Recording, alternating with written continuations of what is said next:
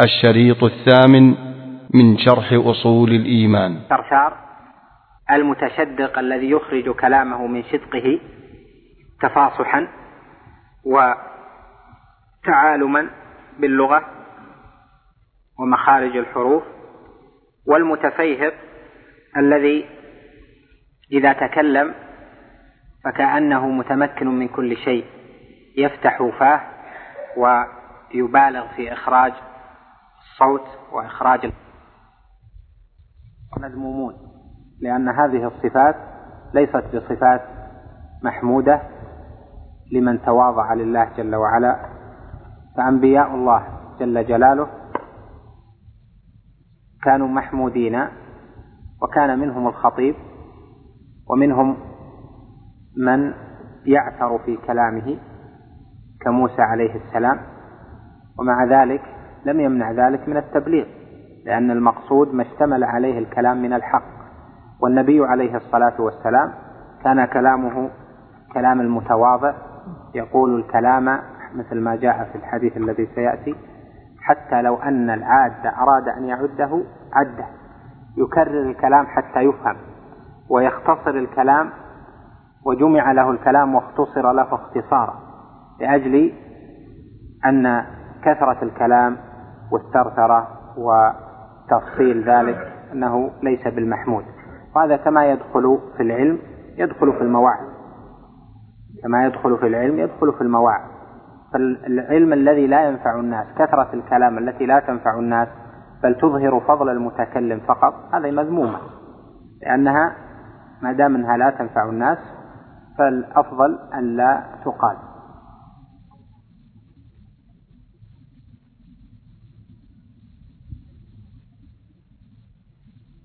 قال وعن سعد بن أبي وقاص رضي الله عنه قال رواه البيهقي في شعب الإيمان ومعروف أن هذا الحديث له أصل في الصحيح بدون هذه الزيادة.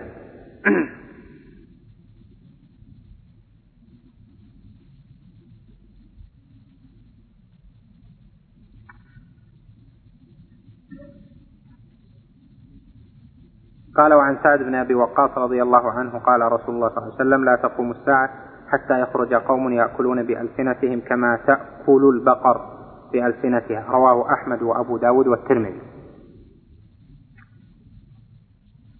هذا فيه ذم لهؤلاء. وصفتهم في أنهم يأكلون بألسنتهم كما تأكل البقر بألسنتها. يعني أنهم إذا تكلموا طلبوا الأجر على كلامهم فيما يقولون. لا لا يحركون اللسان إلا بثمن. والأصل في الدين وفي العلم وفي التبليغ تبليغ الدعوة أنها أن تكون لله بلا أجر كما قال جل وعلا لنبيه عليه الصلاة والسلام قل ما أسألكم عليه من أجر. وما أنا من المتكلفين. فالذين يأكلون بألسنتهم كل ما تكلموا لا بد أجر. لا يبلغون دعوة إلا بأجر ولا يبلغون علما إلا بثمن ولا يتكلمون ويقولون آية إلا بثمن. إن أعطوا رضوا وإن لم يعطوا إذا هم يسخطون. هؤلاء مذمومون لأجل شبههم لأجل آه، نيتهم وعدم رعايتهم للحق في وجوب التعبد بذلك إذا كان عندهم علم وذموا في هذا الحديث وشبهوا بالبقر التي تلوك بألسنتها وتأكل بألسنتها. أما قوله لا تقوم الساعة ففي هذا السياق يفيد الذنب. لكن لفظ لا تقوم الساعة نبهناكم عليه فيما مضى أنها في الأحاديث لا تقتضي مدحا ولا ذما. فقد يكون ما أخبر النبي صلى الله عليه وسلم به أنه لا تقوم الساعة حتى يحصل كذا قد يكون مباحا وقد يكون مكروها وقد يكون محرما. فلفظ لا تقوم الساعة ليس من ألفاظ التي يستفاد ليس من الألفاظ التي يستفاد منها الحكم التكليفي. بل قد يكون هذا وقد يكون هذا بحسب الفعل في نفسه. مثلا لا تقوم الساعة حتى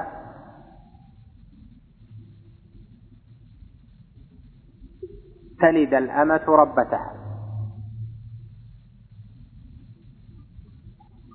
هذا ليس فيه ذم لهذا الفعل ولا مدح له ولا أنه آه، مباح ما يستفاد منه ولا ولا الكراهة إلى آخره بل بحسب الحال.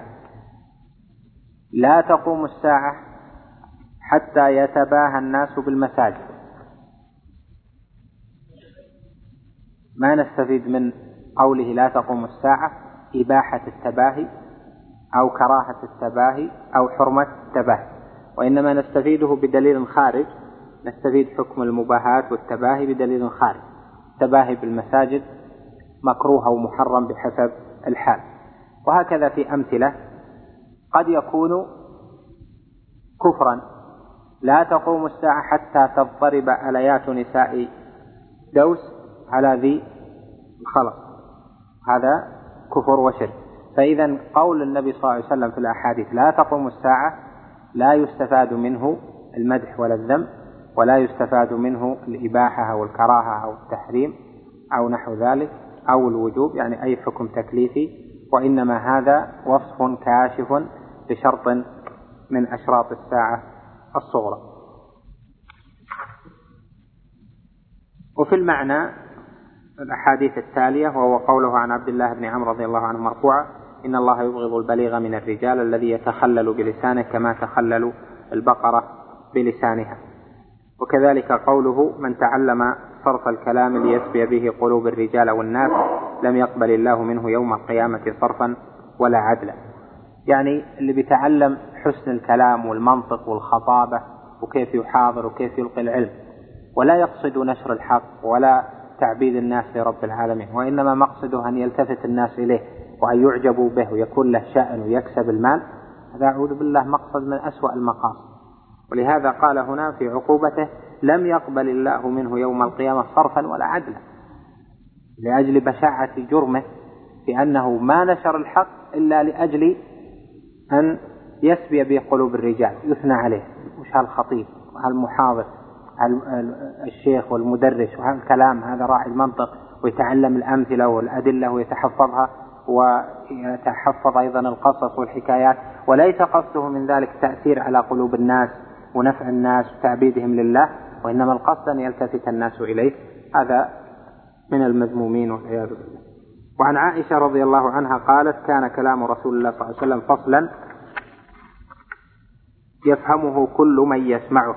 وقالت كان يحدثنا حديثا لو عده العاد لأحصاه وقالت إنه لم يكن يسرد الحديث كسردكم. سرد الحديث مدعاة للإكثار والتأني سبب للإقلال. ولهذا كان التأني محمودا وكان السرد مكروها. والنبي صلى الله عليه وسلم كان يتأنى ونتيجة تأنيه عليه الصلاة والسلام أن كلامه كان معدودا يفهم يحصيه العاد ويستوعبه ويفهمه ويحفظه. والثاني أن كثرة الكلام تجعل بعض الكلام ينسي بعضا ويذهب هذا بذاك. لهذا كانت عائشة رضي الله عنها تقول لعبيد بن عمير يا عبيد بن عمير إذا وعظت فأوجز فإن كثير الكلام ينسي بعضه بعضا. يعني فإن الكلام الكثير ينسي بعضه بعضا. هذا نشاهد في الخطب خطب الجمعة. إذا طالت تجد أنك مسكت الموضوع لكن بعد ذلك إذا طالت الخطبة دخل بعضها في بعض حتى لو أردت أن تنقلها آه، لم تحسن نقلها. تكلم عنها الخطيب. تريد تنقل شيء آه، بأدلته بوضوحه.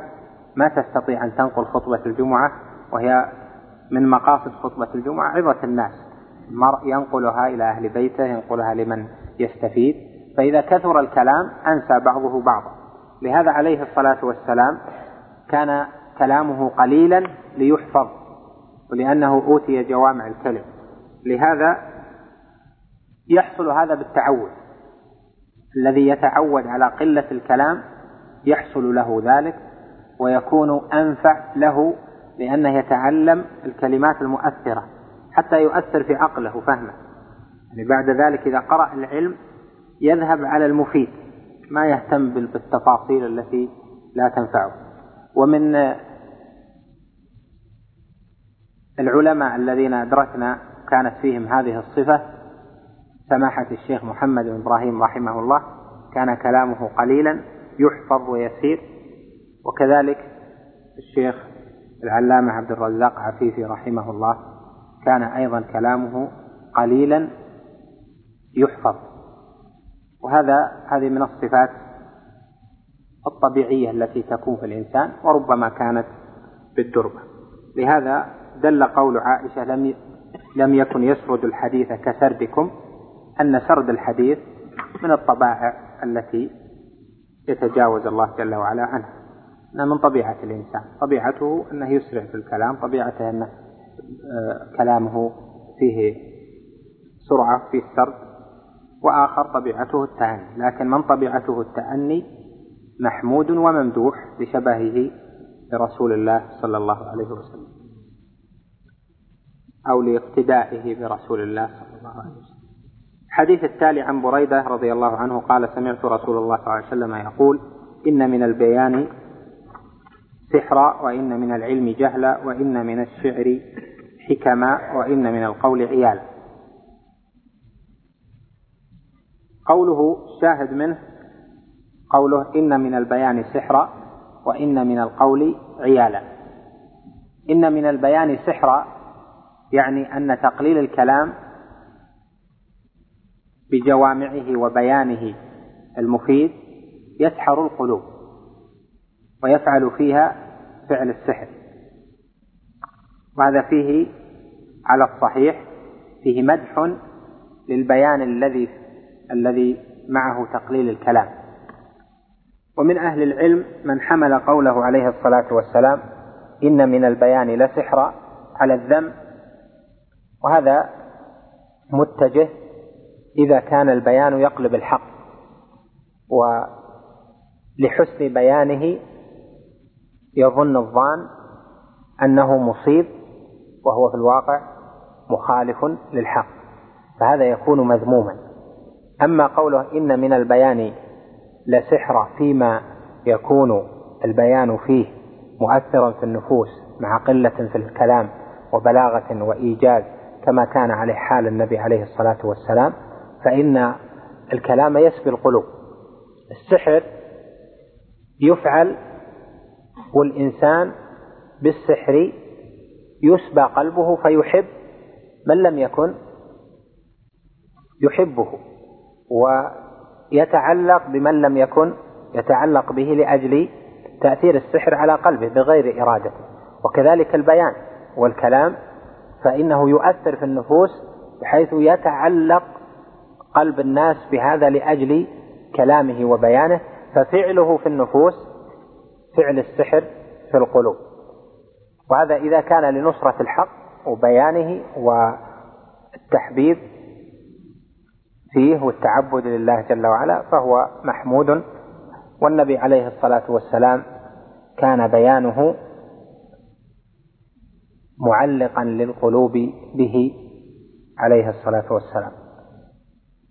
ثم ذم القول الذي ليس فيه فائدة فقال وإن من القول عيالا. يعني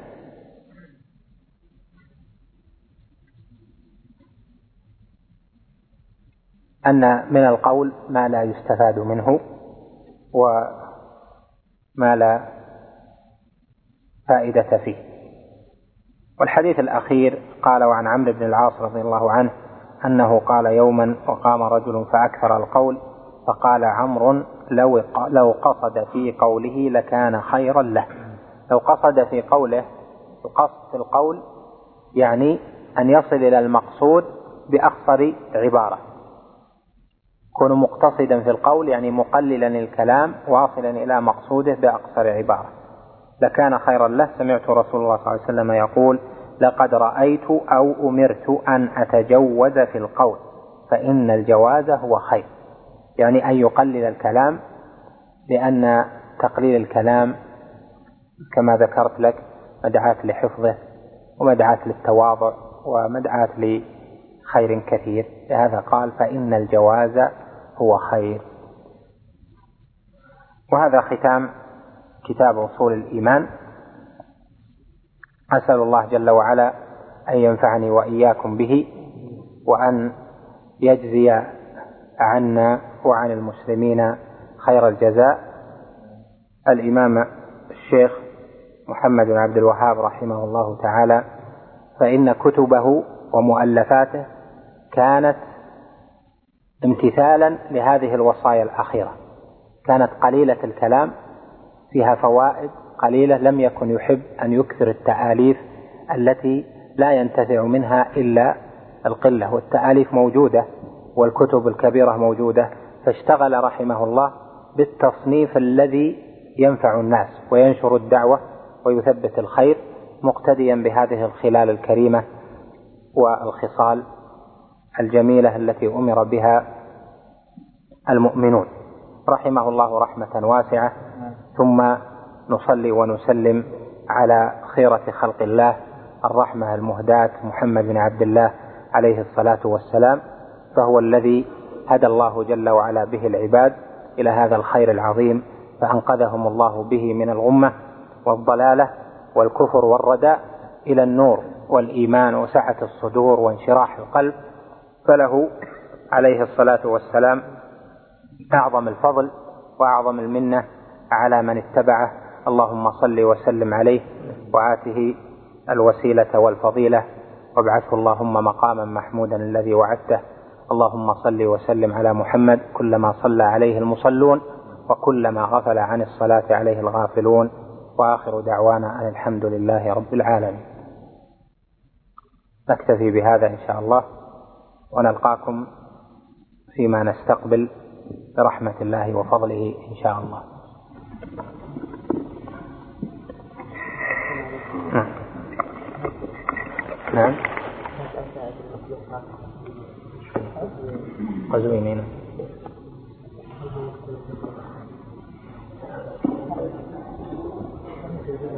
نعم.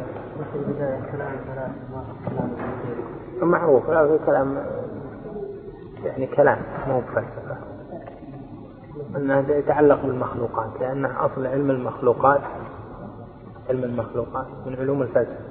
يعني وش الفلسفة؟ هي طلب لا طلب معرفة حقائق الأشياء. واضح؟ يعني مثلا هذا وش حقيقته؟ فلسفة. صنعة الطيارة فلسفة. صنعة المكيف فلسفة. الورق صنعة هذا من شغل الفلاسفة. لذلك العلماء الطبيعيين وعلماء الآلة وإلى آخره في الأصل فلاسفة لأنهم طلبوا حقيقة هذه الأشياء واضح؟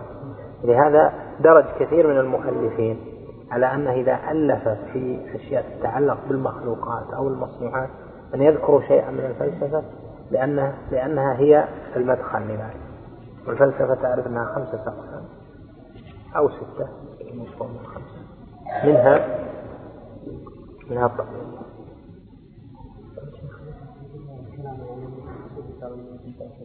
لأنها متعلق بالحيوانات اللي ذكرها. هو فلسفة هو هو فلسفة على كل حال. له كتابان مشهوران عجائب المخلوقات. له كتاب ثاني في الرحلة. هو متكلم. مرحالة لكن تأثر به الكلام.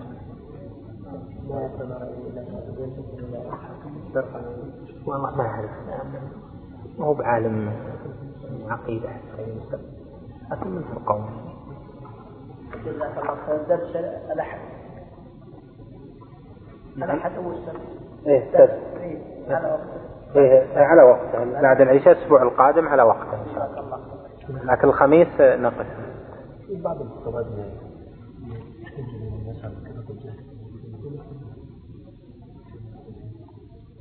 صارت الخطبة نسبية. بس ما يطول الخطبة ساعة. ساعة إلا ربع. لا ساعة إلا ربع طويل. ساعة إلا ربع طويل. لأنك لو لو قرأت يعني أطول ما بتقرأ في الصلاة ما يوافق السنة إيش؟ لا هذا العكس القصة في الصلاة. أجبني في السؤال. أطول ما بتقرأ في الصلاة إيش؟ لا. تقرأ الجمعة والمنافق. لأن لأن السنة في صلاة الجمعة إيش صلاة الجمعة؟ أن يقرأ؟ الجمعة بالجمعة والمنافقين. ها؟ هذا واحد. والثاني سبح والغاشية. والثالث لا. ها. الجمعة الأولى والغاشية الثانية. هذه الثلاث الواردة. واضح لو جمعت الجمعة والمنافقين اللي هي أطول هذه بالقراءة المترتلة كم؟ ربع ساعة. هم؟ لو قلنا الخطبة اللي تصير مثلا ساعة إلا ربع وهي وهي ما تصير ترى كلها مفيدة. هو بس سبحت ما هي كلها مفيدة. انها تجي كلام إحنا حضرنا الخطب أو سمعنا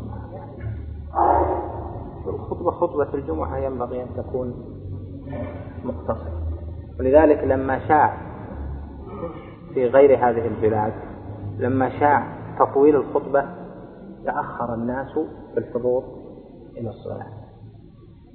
وعندنا كان سابقا إذا جاء قبل الصلاة بساعة بساعة. هذا نصف المسجد مليان.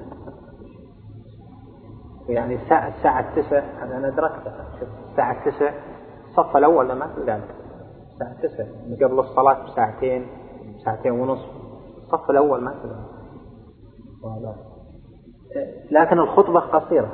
طبعا اللي بيجي مبكر بيحتبس. يحتبس يحتاج إلى شراب يحتاج إلى بيت الماء والناس يختلفوا منهم الشايب ومنهم إذا صار يعرف أن الخطبة ساعة نص ساعة ساعة إلا ربع. وش بيسوي؟ بيتأخر بيتأخر لأنه بيتضرر صحيح؟ وبعد إذا جاء وقت الصلاة استمع الخطبة وهو مشغول وكذا بعد. لهذا تطويل الخطب أنشأ أنشأ تأخير. هذا شيء طبيعي حصل في المجتمعات غيرنا ثم الآن ازدرت صار يعني بيبطي.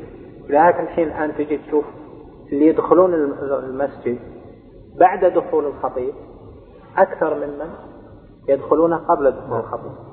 يعني أنا أشوف أدخل وما في المسجد إلا الثلث. أبدأ أخطب يجون الثلثين.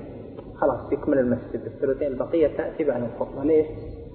لأنهم تعودوا أن الخطيب يطيل بيمدينا يعني أبد إذا سمعته دخل في الخطبة يمديك تنزل وتجي كذا وهو ما خلاص. لكن لو الخطبة قصيرة ما خلاص تفوت الصلاة. ما يلحق. لو انها عشر دقائق 12 يعني عشر دقائق ربع ساعة ثلث يعني هذا مقبول.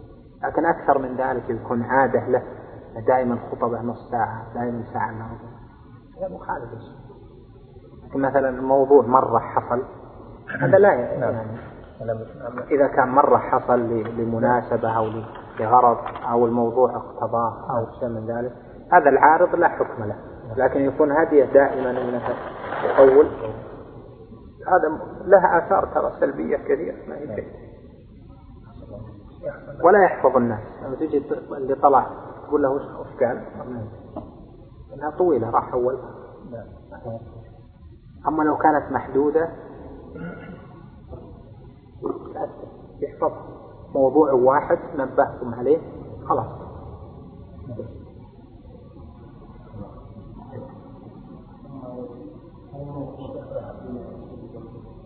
نعم. الشرك والكفر. نعم في فرق. الشرك والكفر بينهما فرق بل بينهما فروق. حقيقة الشرك غير حقيقة الكفر. حقيقة الشرك هو اتخاذ الند مع الله جل وعلا. أما الكفر فحقيقته جحد ما أنزل الله جل وعلا أو بعض ما أنزل الله جل وعلا. فأنزل الله جل وعلا توحيد الربوبية فإذا جحد الربوبية هذا كفر لكن ما قال مشرك. أنكر نبي نبوة النبي عليه الصلاة والسلام. هذا يقال له إيش؟ كافر ما يقال مشرك. أنكر البعث كافر. أنكر الملائكة كافر ما يقال مشرك. وهكذا في في أمثال.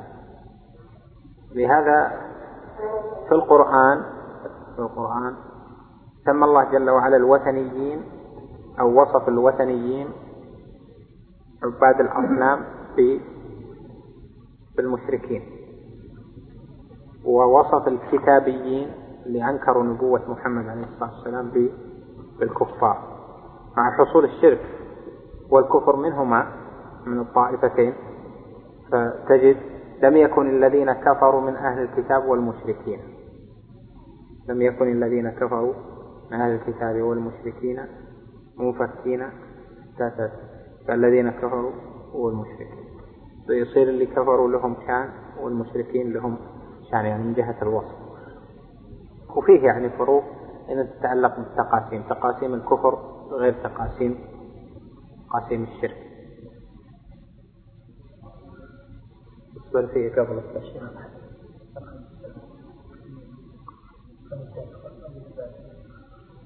إذا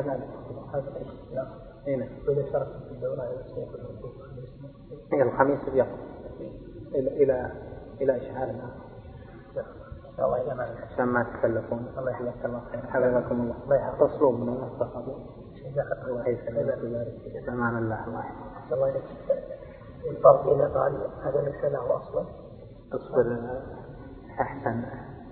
إيه، ها وين اللي؟ نعم.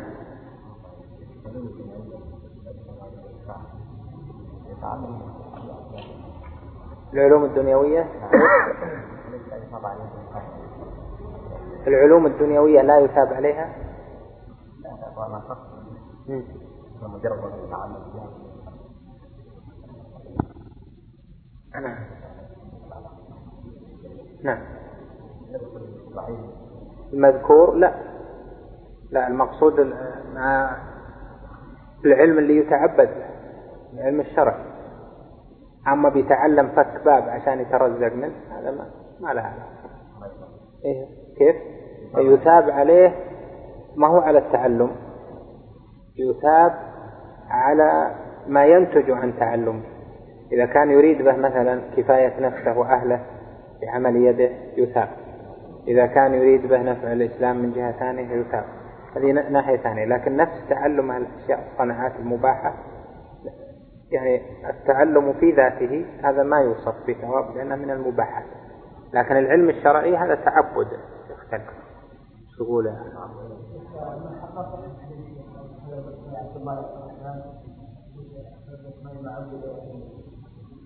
ما عبد وحمد ما في.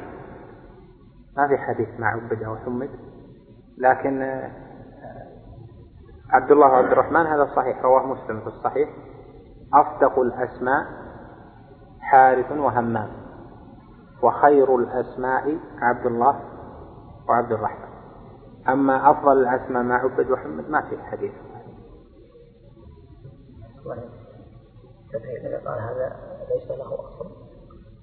هذا طبعا أفضل الأسماء قد يعترض للفضل بفضل الاسم ما يجعله مفضولا. واضح؟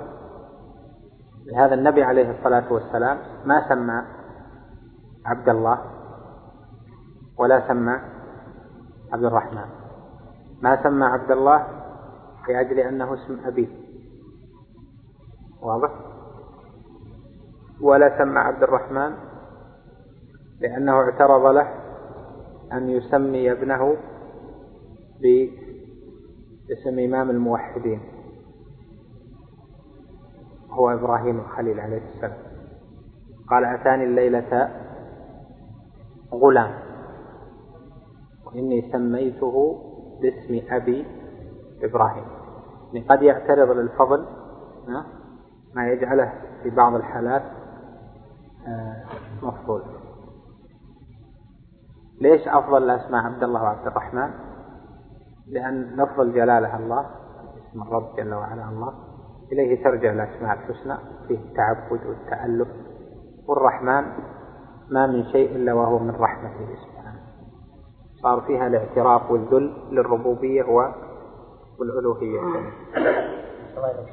إذا قال هذا الأمر ليس له أصل أو هذا الأمر؟ لا البدعة غير ليس له أصل. البدعة أشد. واضح؟ البدعة عمل ملتزم يضاهى به العمل الشرعي. هذا يسمى بدعة. لكن يفعل الناس شيء يقولون هل هو مشروع؟ يقول ما له أصل. ليس له أصل. قد لا يكون بدعة قد لا يكون محرما. يكون من المأذون به. لأن قوله مثلا هل هو مشروع؟ قال لا ليس له أصل. يقابل بأنه مشروع. فقد يكون بدعة مثلا لأن البدع لا أصل لها شرعي وقد يكون من الأعمال المطلقة؟ يكون ما لها أصل لكن آه، يجوز العمل بها. وقد يكون له أصل لا من جهة النص لكن من جهة الدليل من جهة المصالح المرسلة ونحو ذلك. يعني مثل الأذان الثاني الأذان الأول للجمعة. لما أحدث لما أحدث يصح أن تقول ليس له أصل. يعني قصد الأصل من جهة فعل النبي صلى الله عليه وسلم. لكن هل يكون بدعة؟ لا. لأنه من قبيل المصالح المرسلة. واضح؟ فإذا البدعة آه، حكم واضح. كل بدعة ضلالة وبدعة محرمة إلى آخره. أما ليس له أصل تحتمل. إلى آخره. هذا في الفقه طبعا في الأحكام. أما في الحديث ليس له أصل لها تفسير ثاني العلم غير الشرعي غير العلم الشرعي المعروف ليس الإنسان الإنسان بتعلمه لها كان ممن قام به فرض الكفاية نعم هو لم ينوي تعلمه ولم يشك يعني لم يذهب في هذا العلم شيء آخر لكن كان هو ممن قام به فرض الكفاية يؤجر على هذا ويؤجر وإن لم ينوي نعم. وإن لم ينوي ويعني إذا جاء بعد ذلك. ما يعني تعلمها ويعمل بها في خير يعني ما ما شق بها. لكن قام به الكفاية يسبح هذا الكلام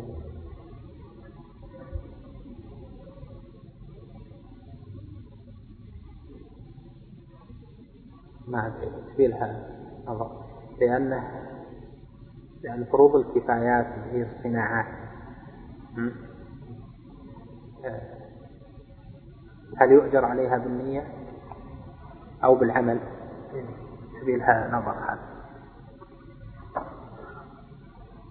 ليش ما نقول بالنية؟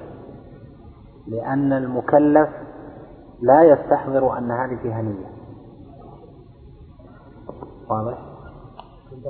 يكون ذاهل عنه. ومثله ما هو من الأمور الواضحة.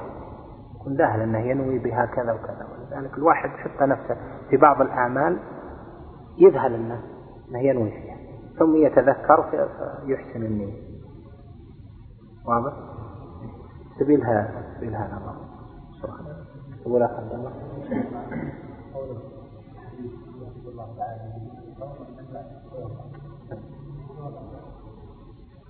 هو هذه العلماء لهم فيها عدة يعني أقوال. ولكن لعل الأقرب أنهم قوم لم يتمكنوا من العمل. لم يتمكنوا من العمل. أو قوم سيئاتهم أذهبت حسنات في الميزان. فصاروا لم يعملوا خيرا قط يعني يعملوا لم يعملوا خيرا قط يثابون عليه. أن السيئات قابلت الحسنات. أو لهم حقوق فأعطي من حسناتهم ذهبت حسناتهم ما ما عملوا ما, ما في عندهم خير. يعني ما قدموا خيرا قط يخرجون به من النار. أن هذه صارت قضاء راح. والمشهور هو الأول أنهم في أناس لم يعملوا خيرا قط يعني لم يأتهم الوسع. مثل الصحابي اللي دخل الجنة ما سجد لله سجد أسلم وقتل طبعا هم يذكرون حادثة الصحابي ونحوه لكن فيها نظر لأن أصل جهادة عمل فهل يقصد بالعمل هنا الأركان؟ لو يقصد بالعمل؟ الحديث هذا مع حديث البطاقة من الأحاديث المشكلة. يعني أو اللي يحتاج تحتاج إلى توجيه عند من يقول أو يعني عند أهل السنة اللي يقولون أن العمل ركن. واضح؟ والأقرب هو اللي ذكرت لك من الأوجه الثلاثة أنها يقال لم يعملوا خيرا قط ما تمكنوا. أسلم ومات وهذا يحصل كثير. واحد يسلم ويموت. لم يعملوا خيرا قط يعني ينجون به من النار لأجل ذهاب الحسنات بالسيئات. لم يعملوا خيرا قط ينجون به من النار لأجل ذهاب حسناتهم إلى غيرهم. فداء لاعتدائهم وظلمهم وهذه تنتبه لها دائم إذا صار عندك محكم وعندك نصوص متشابهة فالمتشابه احمله على المحكم ترتاح. يعني عندك محكم اللي هو إيش؟ أن العمل ركن. هذه ادله عليه كثيرة جدا. ما نجي نتركه لأجل حديث آه، يمكن أن يحمل على عدة أوجه. هو واضح. في يعني ليس نصا في المسألة أن العمل ليس ركنا. هذا جاي في خبر آخر في بيان ما يحصل يوم القيامة. يخرج لم يعملوا خيرا قط ليس معنى ذلك أن الإيمان ليس العمل ليس ركنا فيه. اذا إذا صار كذلك فيصير متشابه. يعني يحتاج إلى فهم. فتوجهه بما يوافق المحكمات. هذا صنيع شراح الحديث. العلماء إذا جاءوا يشرحوا الحديث كيف جت هالأقوال وهذا معناه كذا ويحمل على كذا. لأن عنده أصل وعنده هذا. فإما أن يفسر هذا بظاهره إذا كان غير معارض هذه المحكمات إذا كان فيه معارضة تجد يحمله على ما يوافق المحكم إذا كان متشابه. هذا يعني كل عملهم عمل العلماء على هذا.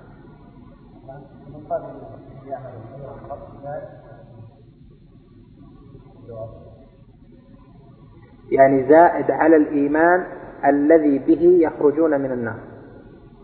ها؟ اللي به يخرجون من النار.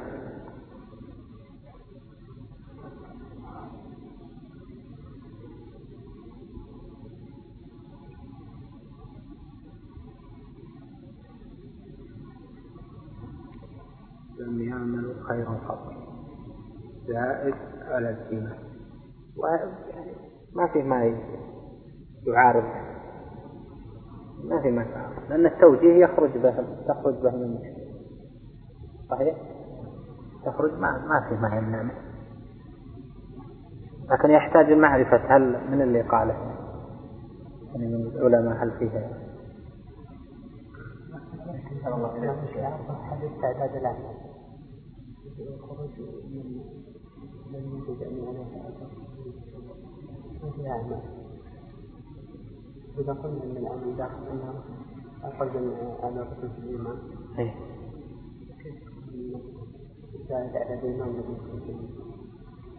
يعني لأن العمل الآن اللي يشترط للإيمان هو جنس العمل. واضح؟ وجنس العمل بالاتفاق. أو الصلاة عند من قال؟ نعم. واضح؟ طيب. إذا عمل عملا تقرب به إلى الله جل وعلا. خلاص. عندهم صح يعني. يعني عمل أي عمل. واحد عند من لا يقول بكفر تارك الصلاة يقولون هذا لا صلى ولا صام ولا زكى ولا حج لكنه برأ والديه تقربا إلى الله جل وعلا. يقولون هذا عمل. صار إيمانه تبعه عمل هو عمل بدني تقرب به إلى الله واللي يقولون بتكفير ترك الصلاة يقولون لا لازم الصلاة. واضح؟ هذه أقل الأعمال يعني هو العمل لو جاب عمل آخر غيرها ما يصح. وأيضا هناك من يقول لابد من الأركان الخمس. القول لبعض أئمة الحديث أنها هي أركان اللي مثلا لا صلى ولا زكى ولا صام ولا حج. كيف كيف يصير مسلم؟ لكن الجميع متفقون على أن العمل ركن. فكيف يوجه الحديث؟ يقول زائد على قدر الإيمان. الإيمان اللي هم كل واحد على حسب ما وجه له. وفقكم الله. سبحانك مع تحيات مركز الوسائل بوزارة الشؤون الإسلامية والأوقاف والدعوة والإرشاد بالمملكة العربية السعودية.